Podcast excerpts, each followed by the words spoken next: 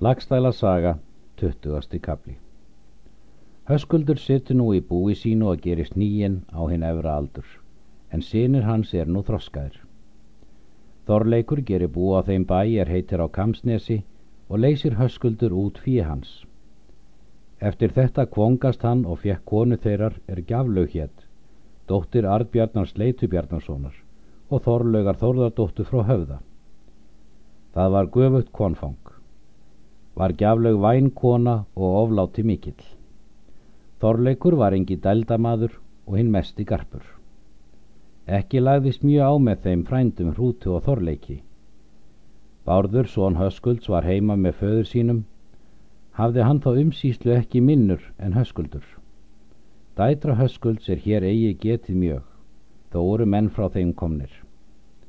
Ólafur Höskuldsson er nú á frumvaksti og er allra manna fríðastur sínum, þeirri menn hafi séð. Hann bjóð sér vel af opnum og klæðum. Melkorka móður Ólafs bjóða melkorkustöðum sem fyrr var ritað. Höskuldur veik meir af sér umsjá um ráðahag melkorku en verið hafði. Hvaðst honu það þykja ekki síður koma til Ólafs sonar hennar. En Ólafur hvaðst henni veita skildu sína ásjást líka sem hann kunna veita henni. Melkorku þykir höskuldur gera svífirlega til sín. Hefur hún það í hug sér að gera þá hluti nokkura er honum þætti eigi betur. Þorbjörn skrjúpur hafði mest veitt umsjóan bú Melkorku. Vakið hafði hann bónorð við hana þar hún hafði skammastund búið en Melkorka tók því fjari. Skip stóð upp á borðeri í hrútafyrði. Örn hétt stýrimaður. Hann var hyrðmar Haralds konungs Gunnhildarssonar. Melkorka vekur tal við Ólafsson sinn þá er þau finnast að hún vill að hann fari utan að vitja frænda sinna göfugra. Því að ég hef það satt sagt að mýrkjartan er að vísu fadir minn og er hann konungur íra. Er þér og hægt að ráðast til skips á borðeri. Ólafur segir Tala hef ég þetta fyrir föðu mínum og hefur hann líkt á tekið er þannig og fjárhag fóstra míns háttað að það er meiri löndum og kvikfíu en hann eigi íslenska vöru liggjandi fyrir.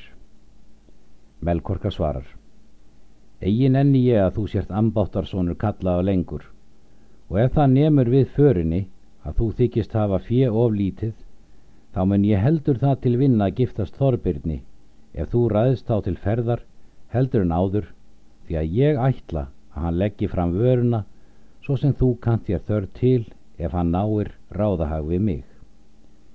Er þá til kostar að höskuldi munu þá tvei hlutir ítla líka.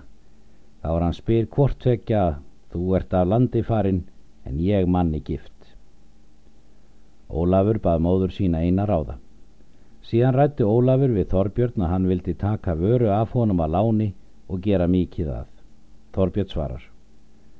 Það mun því aðeins nema ég nái ráðahag við melkorku. Þá væntir mig að þér sé jafn heimilt mitt fjö sem það er, er þú hefur að varveita. Ólafur hvað þá það myndu að ráði gert, töluðu þá um með sér þá hlutir þeir vildu og skildi þetta fara alltaf hljóði. Höskuldur rætti við Ólaf að hann myndi ríða til þings með honum. Ólafur hvaðst að eigi meiga fyrir búsíslu, hvaðst vilja láta gera lamphaga við lagsá. Höskuldi líkar þetta vel er að vill umbúið annast. Síðan reið höskuldur til þings en snúið var að brullaupi á lampastöðum og réð Ólafur einn máldaga. Ólafur tók þrjá tígu hundraða vörað óskiptu og skildi þar ekki fjö fyrir koma. Bárður Höskuldsson var að brullaupi og vissi þessa ráðagerð með þeim. En er bóði var loki þá reið Ólafur til skips og hitti örd stýrimann og tók sér þar fari en áður en þau melkorka skildust selur hún í hendur Ólafi fingurgull mikið og mælti þennan grip gaf fadir minn mér að tannfje og vænti ég að hann kenni ef hann sér. En fekk hún honum í hönd nýf og belti og bað hann selja fósturu sinni. Get ég að hún diljist eigi við þessar jartegnir og enn mælti melkorka heimann hef ég þig búið svo sem ég kann best og kent þér írsku að mæla svo að þið mun það eigi skipta hvar þið ber að Írlandi Nú skilja þau eftir þetta. Þegar kom byr á er Ólafur kom til skips og sigla þeir þegar í haf.